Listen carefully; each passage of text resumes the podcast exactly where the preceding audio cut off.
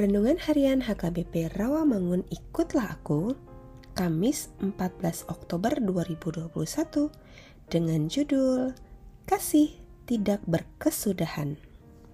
Bacaan kita pagi ini tertulis dalam Mazmur 104 ayat 1 sampai 9 dan bacaan kita malam ini tertulis dalam Roma 15 ayat 7 sampai 13 dan kebenaran firman yang menjadi ayat renungan kita hari ini ialah 1 Korintus 13 ayat 8 yang berbunyi Kasih tidak berkesudahan, nubuat akan berakhir, bahasa roh akan berhenti, pengetahuan akan lenyap.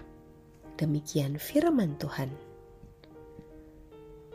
Seorang penyanyi yang bernama John Mayer menyatakan bahwa love is a verb atau yang artinya kasih adalah kata kerja.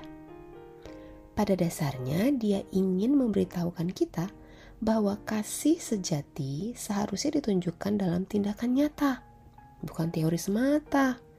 Namun, kadang-kadang kita merasa menunjukkan kasih kepada orang lain itu melelahkan dan sia-sia. Belum tentu tindakan kasih kita dihargai atau membawa dampak yang kita harapkan ada kalanya juga kita merasa seperti orang munafik ketika kelihatannya ikut membantu sesama karena situasi tertentu, padahal sebenarnya kita tidak terlalu memikirkan tentang mereka. Kasih menjadi sebuah omong kosong belaka. Di sini kasih lebih dari sekedar keinginan-keinginan berbuat baik yang hanya bertahan sebentar dan lenyap oleh waktu. Orang Kristen tahu bahwa kasih itu berasal dari Allah. Dapat kita baca dalam 1 Yohanes 4 ayat 7. Dan kasih Allah ini alasan kita untuk berbuat baik kepada orang lain, supaya mereka juga dapat mengenal Allah dan memiliki hidup yang berkelimpahan di dalam Dia.